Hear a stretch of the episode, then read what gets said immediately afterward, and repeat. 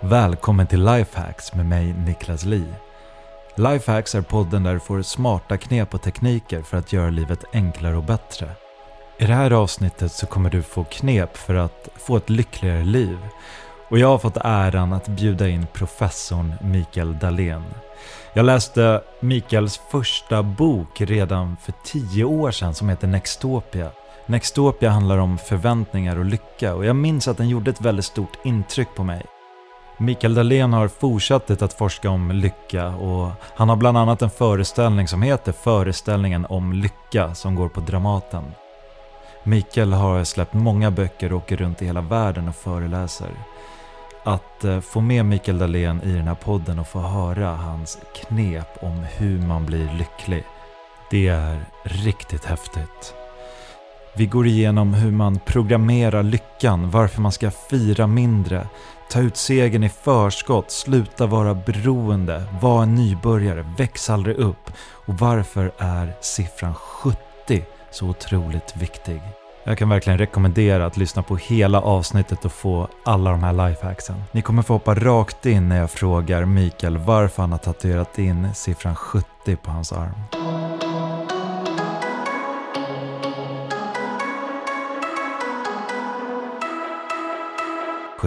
Det står en 7 och en nolla på armen. Mm, det, är, det här låter så galet, men är, tycker jag, en av de smartaste grejerna jag kommit på hittills. Det är en påminnelse så fort jag gör någonting med hull och hår och satsar 100% så är det en påminnelse för mig att lugna ner mig lite. Att gå ner från 100% eller 90%, eller 80%, eller vad ni gör till 70%. Att inte göra någonting till mer än 70%. Låter jättekontraintuitivt, för det får vi ju lära oss så tidigt. Jag åker ju runt och föreläser runt om i världen. Och förr efter mig på scen står alltid någon och säger “You gotta give 100%”. Och jag säger “Nej, ge 70%, för ger du 100% så kräver det så mycket av dig. Det är en av förklaringarna till att så många går in i väggen, blir sönderstressade, omotiverade, allt vad det är. Och om man nu håller på med fysiska ansträngningar, går sönder på ett eller annat sätt.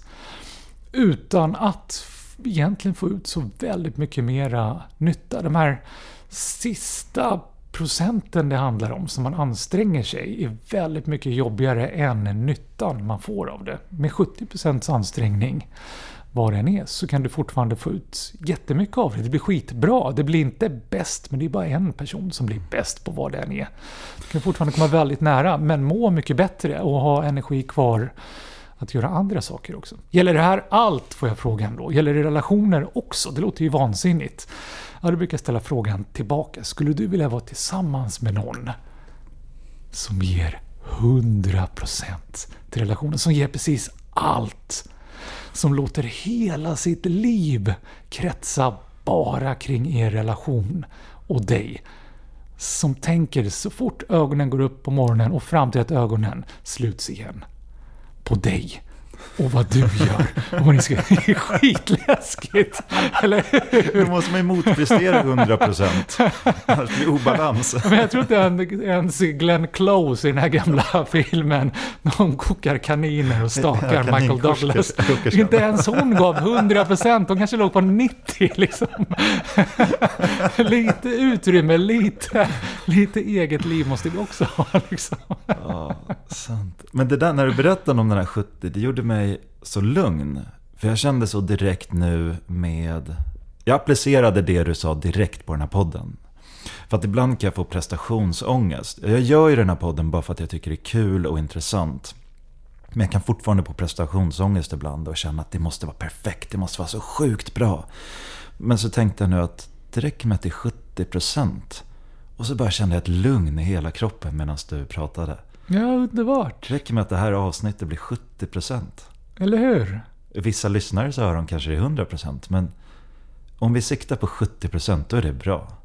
Ja, för annars ja. kommer den här prestationsångesten, visst gör den det? Exakt, och ja. den hindrar den. Den sätter ju käppar i hjulen. Den, tar bort det här roliga när mm. prestationsångesten kommer. Ja, precis. Så den var, jag håller med dig, den var riktigt bra. Alltså du har ju, det är, hela din, dina armar är ju lifehacks. Du, är som gjord för det här. Ska du ta över den här podden? Äntligen har jag någon glädje av att jag har extremt långa armar. Jag har också långa armar, jag upptäckt.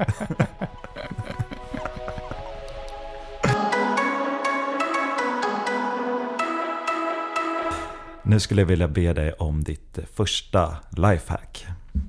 Yes. Fyra mindre. Fyra mindre. Mm? Wow, berätta. Fråga på det.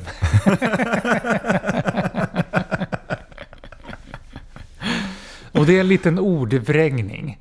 Det handlar inte om att fira i mindre utsträckning utan det handlar om att fira saker som inte är så stora. Bara att inte hänga upp livet och betrakta de stora händelserna i livet som anledningar att fira och som resten av livet bara är en transportsträcka emellan. Utan att se och tillåta sig att fira de små lyckostunderna som dyker upp emellan de här stora sakerna som vi har en tendens att jaga och att göra till en form av prestationer nästan för att det är de vi vet att vi ska fira och tar i ända från tårna så att firandet blir en prestation och i värsta fall så njuter vi inte riktigt ordentligt av det. Och de är ju undantagen i livet. Det går ju att räkna på en eller kanske två händers fingrar. De här sakerna vi vet att vi ska fira. Relationer, karriär och allt vad det är. Men, men det finns små saker som händer hela tiden. Att du hade en bra dag, att du eh, upptäckte någonting nytt. Att du eh, gjorde en riktigt cool sak på grusplanen när du fick fem minuter över att spela lite boll med polarna eller vad det än kan vara.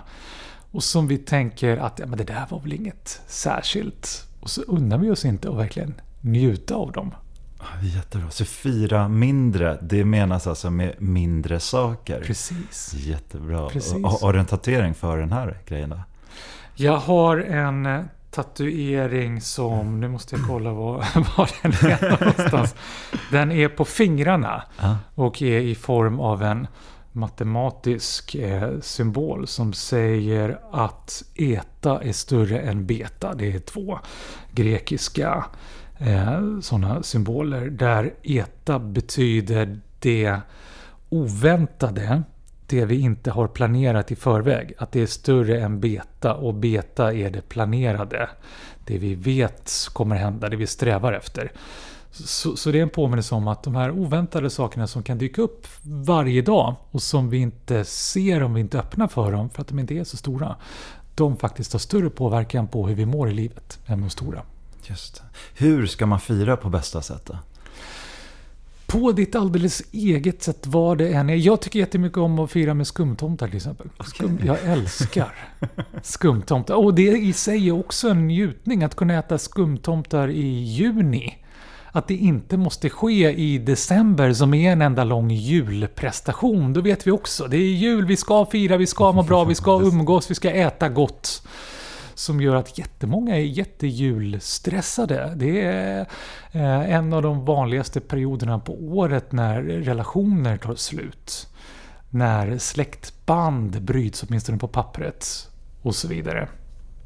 Så, så att äta skumtomtar i juni som är totalt prestationsfritt. Och som känns lite småbusigt sådär. Senaste festen jag var på när folk klädde ut sig, eller maskeraden då. Mm. Då var det en tjej som var utklädd till en skumtomte. Åh, den tjejen vill jag träffa. Jag hoppas inte min fru lyssnar på det här, men det där låter ju som en person jag vill ha i mitt liv. Det låter som det. ja, den gjorde succé den outfiten. Hör alltså. av dig Ja. om du lyssnar på den här podden. Hör av dig.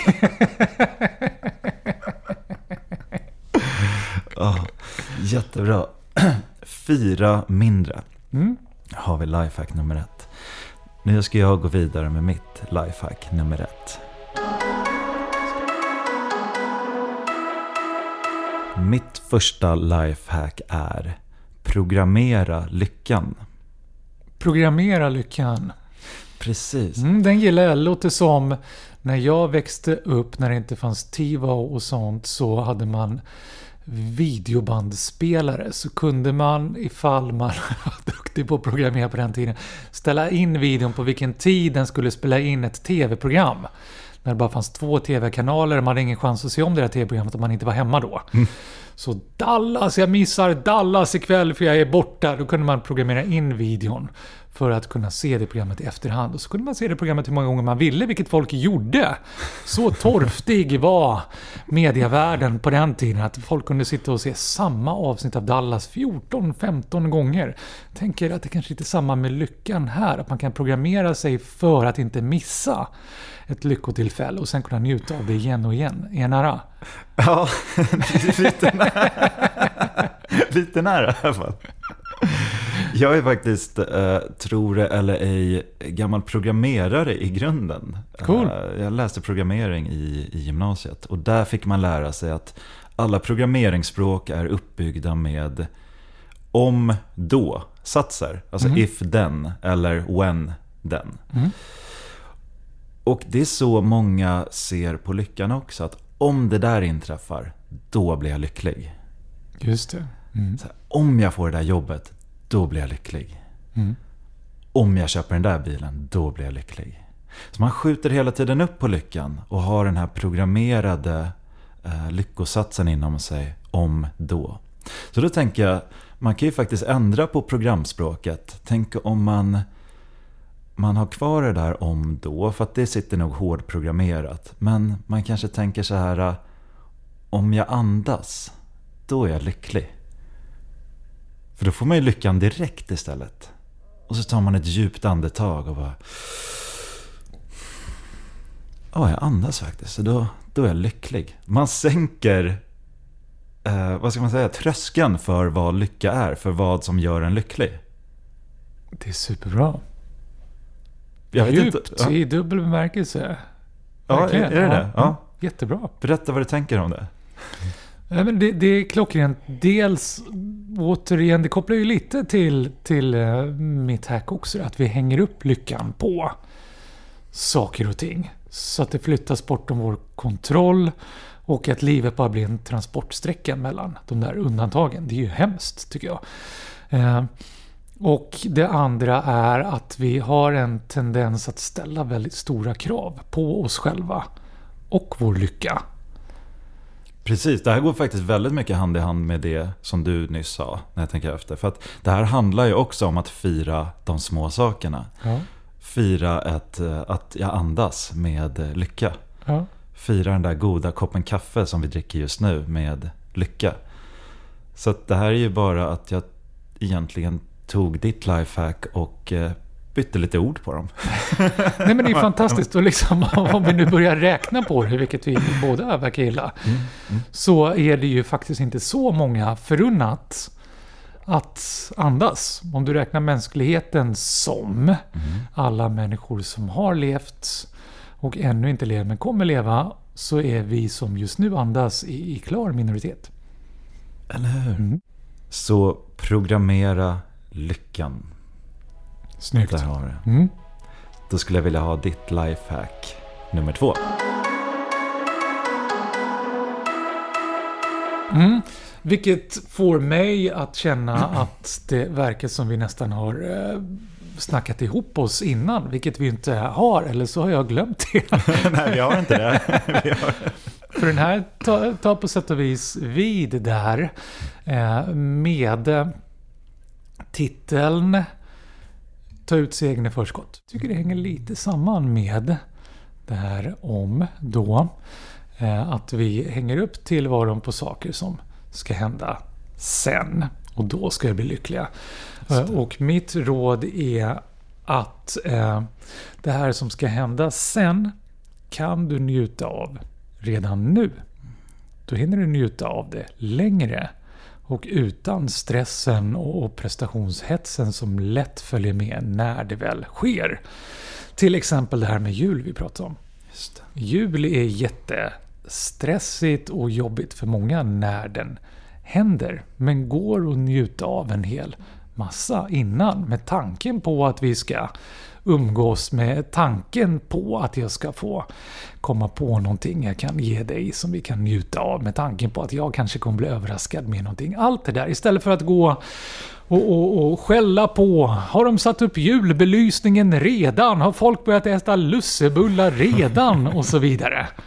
Så ta den där lussebullen första december eller rent av eh, 26 november som man kan hitta. Den är jättegod och den första lussebullen är jättehärlig att bara njuta av. Och det gäller jättemycket. Folk, eh, det har jag ju gjort studier på.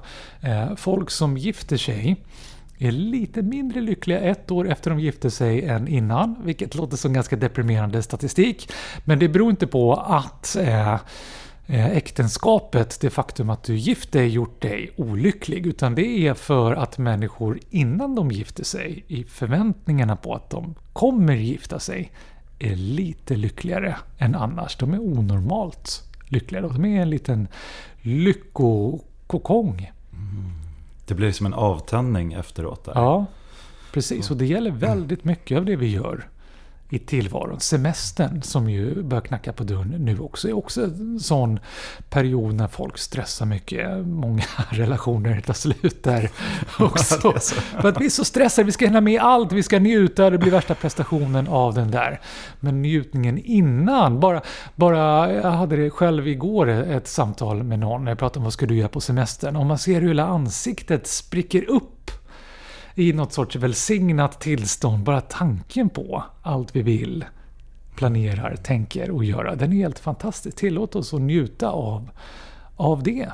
Och vi har liksom fått itutat oss, ta inte ut segern i förskott. Du blir bara besviken och tänk om det inte blir så bra. Du tänker så här, ja, vad är det värsta som kan hända? Du, du firade, du njöt i onödan. Det kan man väl inte göra? Det är väl toppen? Skiter allting sig så fick du i alla fall fira och njuta. Det är väl toppen? Och blir det perfekt och underbart, då får du njuta en gång till. Då får du två njutningar. Ja, precis så. Det blir dubbelt upp. Ja. Så att det här, om det här hade varit en ehm, en bettingsida och du hade liksom chansen att vinna två njutningar eller så kan du vinna en njutning bara. Alltså det är win-win. Du ja, kan inte förlora. Precis så. Men ändå så kommer nog folk känna att om jag njöt och det inte inträffade, som du var inne på, mm. då kommer de känna att Fan vad dum jag är. Hur fan kunde jag njuta? Men det är det man måste då få bort från huvudet. Du är inte dum för att du njöt i onödan. Du gjorde det rätta. Precis. Vad, vad, går livet ut på? Går det mm. ut på att prestera? Går det ut på att vara perfekt? Eller går det ut på att må bra på vägen? Det går tänk... ut på att köra 70% ja. av din optimala och ta ut segern i förskott. Ja, precis. Fira de mindre sakerna och programmera... Fan, det var ju mitt sista. Programmera om då. Fick nästan ihop Nej, men du, du har rätt och det, det, är så konstigt den, den liksom ryggmärgsreaktionen att vad dum jag känner mig som firade i onödan. Vad dum jag känner mig som mådde bra, som var glad, som var lycklig i onödan. Mm. Det kan man väl inte vara? Är vi, liksom... vi är ju så rädda att tappa masken helt i onödan. Mm, verkligen. Helt onödan. Och det här leder mig in på mitt nästa lifehack väldigt snyggt. Wow. Det är lite som att ja, jag har förberett det Dina händer är viktiga verktyg för arbetsdagen.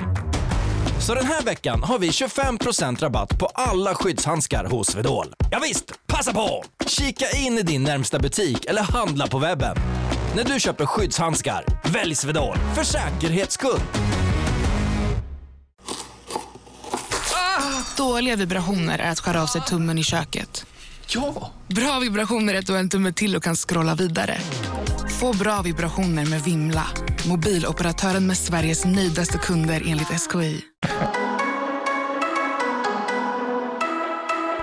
Mitt nästa lifehack är sluta vara beroende av problem och oro. För att jag tror att vi oroar oss, precis som vad vi var inne på där, att vad folk ska tycka om oss, vad vi sa. Vi grubblar så himla mycket över det som har varit och över det som ska komma. Och det här tror jag, i alla fall när jag rannsakar mig själv, att det här är ett av de största hindren från min lycka vissa dagar. Att jag grubblar för mycket. Ja. Jag låter hjärnan löpa amok. Över det som har varit eller över framtiden. Istället för att vara närvarande i nuet, där lyckan finns just nu. Jättebra poäng. Jättebra poäng. Vilken fantastisk paradox att vi har en tendens att inte tillåta oss att njuta i förväg av vad härligt som komma ska. Men är all in på att gräma oss i förväg. Det är så sant. Ja, vi är några jäkla livsfakirer som tänker att vi är satta på jorden för att må så dåligt som möjligt. Och mår vi inte dåligt nog så är vi inte bra människor nog. Jättekonstigt. Vad är det för tillvaro att leva? Vilken glädje är man till då för sig själv eller någon annan? Väldigt bra poäng. Jättebra. Det där var intressant, sättet som du sa på att vi, vi, vi kan tänka hur mycket som helst på framtiden, på det dåliga som kan hända. Men är väldigt dåliga på att ta, tänka det positiva och ta ut segern i förskott. Men, och då är det så här, hur slutar man oroa sig eller slutar vara beroende av de här problemen? Dels tror jag att det här med att vara beroende av problem, för folk älskar att berätta så här, ja men det Ah, det där sket sig, det där, ah, det går inget bra där och fan jobbet suger och ah, kollegorna är skit och, och, och allt vad det är. För att de känner sig betydelsefulla när de får klaga. De känner sig lite bättre, lite över. För att om de klagar på världen och tillvaron, det betyder att de är ju faktiskt lite bättre. Så de stärker ju sitt eget ego. Samtidigt som de sprider lite misär och själva kommer må dåligt över det de sprider. Är min tanke. Men i alla fall, för att få bort alla de här orogrejerna. Som, för jag grubblar, min hjärna den löper amok. Liksom. Den, den eh, jobbar på fullt med att eh, katastroftänka och tänka allting som kan gå fel. Så då kom jag på en metod som jag gjorde. Att jag skrev ner varenda liten grej som jag kunde komma på som jag oroade mig för. Jag satte mig en hel dag. Jag åkte faktiskt iväg till och med till Schweiz. Jag satte mig uppe i bergen där själv. Med en bok. Och sen bara, nu kör vi. Nu går vi igenom. Vad håller den här hjärnan på med? Och sen skrev jag ner sak för sak som jag kunde komma på. Sen efter jag hade skrivit ner allt som jag oroade mig över. Då skrev jag ner hur blir mitt beteende när jag oroar mig för det här. Ja, det var inte så kul beteende som jag fick av det. Vad är det värsta tänkbara som kan hända om det här inträffar som jag oroar mig för? Kan jag leva med det? Ja, det värsta kunde ju ibland vara döden eller att... Eh, men så här, är det sannolikt att det här ens kommer inträffa? Sen gjorde jag det här med alla grejer och sen skrev jag vad är, är egentligen den mest sannolika eh, händelsen som kan ske. Och det här tog egentligen en hel helg. Men efter det så har jag varit orofri. Orosfri kanske man säger. Jag har, det kan dyka upp oro ibland. Men när den oron dyker upp, om det är samma oro som jag haft tidigare, då går jag in i boken och kollar. Ja just det, där är lösningen. Det är ju det här som jag redan tänkt, jag har ju redan löst den. Jag kan släppa den direkt. Jag har ju redan för oroat mig färdig för det där. Om det är ny oro som dyker upp, då skriver jag upp den och så gör jag samma algoritmlösning för den oron också. Och det här har varit som att 15 tunga stenar från mitt bröst har släppt. Woof. Och jag kan vandra lite som på moln efter det här. Det är ju fantastiskt. Åk till Schweiz med andra ord. Det är det vi ska göra. Och lämna alla problemen där. ja. Ja, Schweiz är ju ett land som har det väldigt gott ställt. Och beroende lite på hur man räknar så. eh, Kan man komma fram till att de till och med har en högre välfärd än vi här i Sverige som räknas vara ett av världens främsta välfärdsländer. Så ja, de kan ha råd att ta emot lite av våra problem. Ja, men det, det är väldigt vackert också, bilden att eh, gå upp på berget där och, och lämna problemen där uppe och gå ner som en ny, lättare människa. Verkligen. Det är jag, jättefint. jag använder mycket av det också som du talade om i början. Det här med att inte veta riktigt var man ska hamna. Jag åkte till någonting som heter Baden. Jag hade inte Mm. hört talas om det. Jag visste inte vad det var. Jag kollade på kartan och pekade på en plats. Att okej, dit ska jag åka. Jag googlade inte ens bilder innan. Och sen när jag kom dit så var det bara wow, vilken vacker stad. Här finns en å. Här finns berg att vandra i. Och så gick, köpte jag ett par eh, gympaskor. För jag visste inte vad som skulle komma där om jag skulle behöva eh, gympaskor. Mm. tog jag dem och så vandrade jag upp i bergen. Och så gick jag och gick och gick. Och det här berget tog ju liksom aldrig slut. Jag trodde jag skulle komma till en topp. till slut så mötte jag en annan vandrare där. Så frågade jag, när kommer jag till toppen? Han bara, nej det finns ingen topp. Det här är bara en, en höjd som går i flera timmar framåt. Då hade jag gått i två timmar utan vatten, så då var det två timmar tillbaka sen utan vatten. Så det, det var lite tufft, men det var sånt äventyr, det var så kul, jag kände mig så levande. Ja, ja jag älskar det. Ja. lite sidospår där.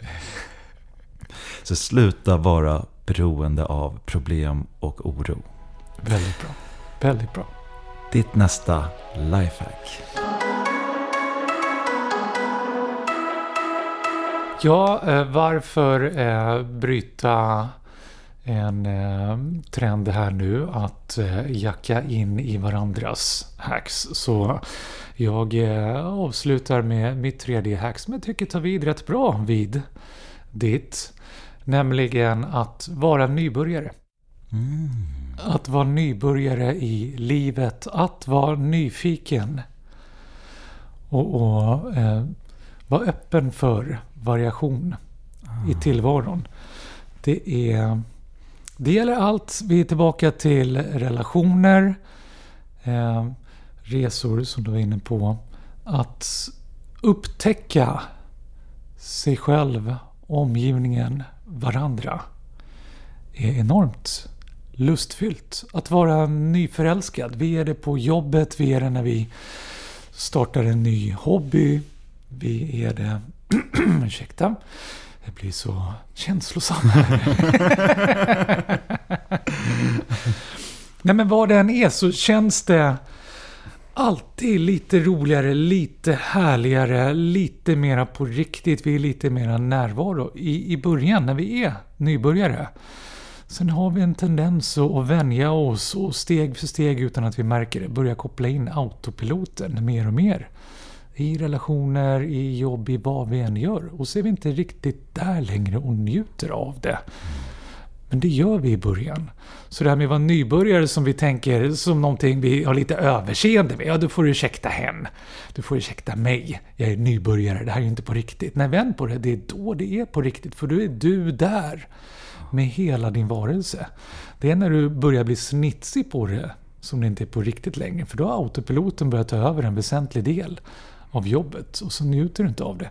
Så hitta något sätt. Du måste ju inte göra slut efter tre månader och, och skaffa en ny relation för att vara nybörjare igen. Men, men försök hitta någonting som gör att du fortsätter vara nybörjare i relationen eller på jobbet eller vad det än är. Testa någonting nytt. Överraska dig själv, din partner, dina arbetskompisar, dina lagkompisar. Vad det än är. Så att, du, så att ni är nybörjare tillsammans och fortsätter upptäcka. Ja, det här är så fint. Jag tänker att det här går ju förmodligen... Eller vad man känner är att många är ju rädda för att testa nya saker för att de känner prestationsångest och de vill och förväntar sig att vara experter direkt. Mm, ja. Och det är raka motsatsen mot det som du tipsar om här. Att man vill prestera och vara bäst direkt. Annars är det inte värt. Men jag vill inte spela fotboll för att jag är dålig på fotboll. Precis. Men man ska ju gå in med en totalt tvärtom attityd där. Att fan, om jag är dålig på det, eller om det är nytt, det är då jag ska göra det här. Det är då det blir kul, för då lär jag mig. Eller hur? Jämför, jämför ett eh, korplag. Mm. Eller eh, eh, ett kompisgäng, vare sig de är 6 år eller 60 år gamla. Som eh, spelar match på en fotbollsplan. Med proffsen i Allsvenskan eller eh, Premier League eller vad som helst. Och stå bredvid och titta, vilka verkar roligast? Ja. Va? Proffsen spelar väldigt mycket bättre fotboll, men de verkar inte njuta så mycket av det. Jag fascineras av just det så tydligt i fotboll, tycker jag är det tydligaste av allt. Någon som eh, inte gör mål när hen skjuter mot mål. Och, och, som åskådare kan du titta och känna att det var inte en chans i Hälsingland att det skulle bli mål. Men ändå så ser de så förtvivlade ut. De sliter sina hår, de tittar upp mot himlen i förtvivlan som att det är djupt deprimerande att det inte blev mål på den här mikroskopiska chansen. Det, det är som att när fotbollsmatchen bara är en stor samling besvikelser. Därför att jag är också tillbaka till det du pratade om tidigare. Vi vill ju vara experter. Vi vill ju kunna vara du duktiga. Så både inför oss själva och andra så vill vi framstå som. Det är fruktansvärt hemskt att jag brände den här mikroskopiska chansen. Istället för att tycka att det var kul att jag överhuvudtaget tog chansen. Mm. Vet du vad jag gjorde i söndags för första gången. Då var jag nybörjare i orientering. Har du provat orientering någon gång? jag tycker hela min tillvaro är en enda stor orienteringsrunda där jag går vilse hela tiden. Jag vågar inte ge mig ut i skogen. Ja, hur gick det? Ja, du är här i alla fall, så du hittade tillbaka till slut i målet. Ja, det var stadsorientering, så det var lite enklare ute i Sigtuna. Men det, det var sån för först kände jag lite press över att ställa upp så här, men vågar jag? Fan, kommer jag ens hitta kontrollen? Fan, jag kan inte. Ska jag passa en kompass och karta och så här? Men när jag kom dit, då sa jag, ja men ingen press, skit i kompassen, jag tar kartan och så bara testar jag lite grann. Och medan jag sprang där, då fick jag sån kick. Det var så sjukt kul. Alltså springa runt där. Ja och leta efter kontroller och varje gång man träffade dem och hittade den då bara ruschade det upp dopaminer i kroppen. Wow, alltså nu på nästa. Jag har aldrig sprungit så snabbt och hårt i mitt liv. Och så efter, så nu ska jag orientera igen här på torsdag. Nu, nu, nu, ska, nu ska jag vara orienteringsnybörjare. Ja, I alla fall en stund. En och det stund. syns i hela kroppen på dig, energin, när du pratar om det. det här nya härliga. Ja, underbart. Ja, ja.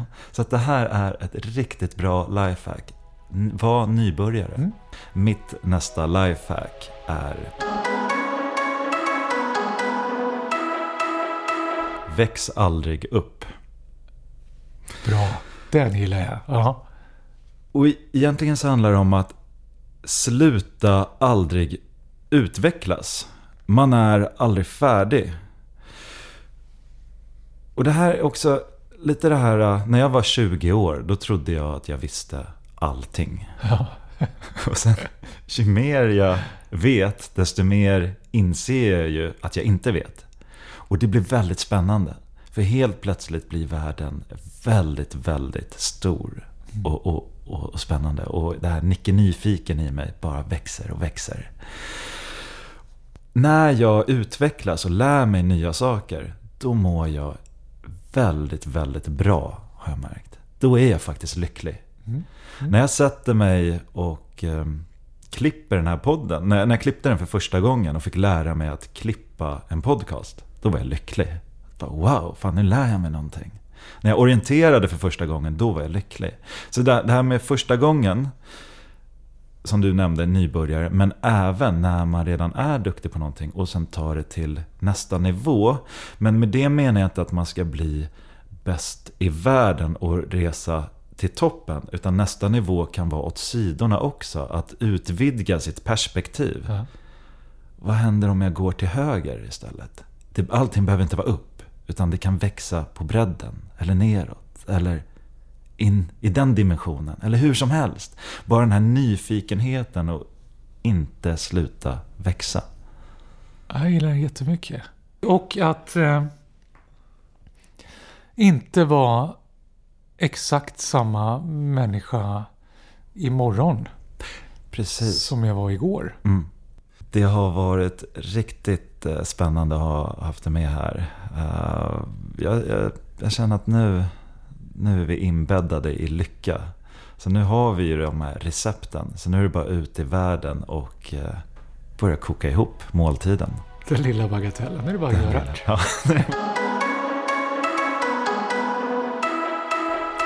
Tack för att du lyssnade på det här avsnittet. Jag hoppas verkligen du får användning av de här lifehacksen. Om du vill får du jättegärna gå in och ge ett betyg eller skriva en recension på iTunes. Då skulle jag bli väldigt glad. Vi hörs igen nästa onsdag då är det dags för ett nytt spännande ämne.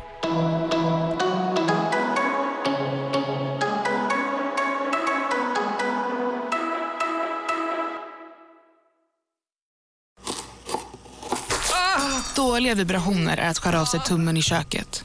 Ja! Bra vibrationer är att du har en tumme till och kan scrolla vidare. Alla abonnemang för 20 kronor i månaden i fyra månader. Vimla! Mobiloperatören med bra vibrationer.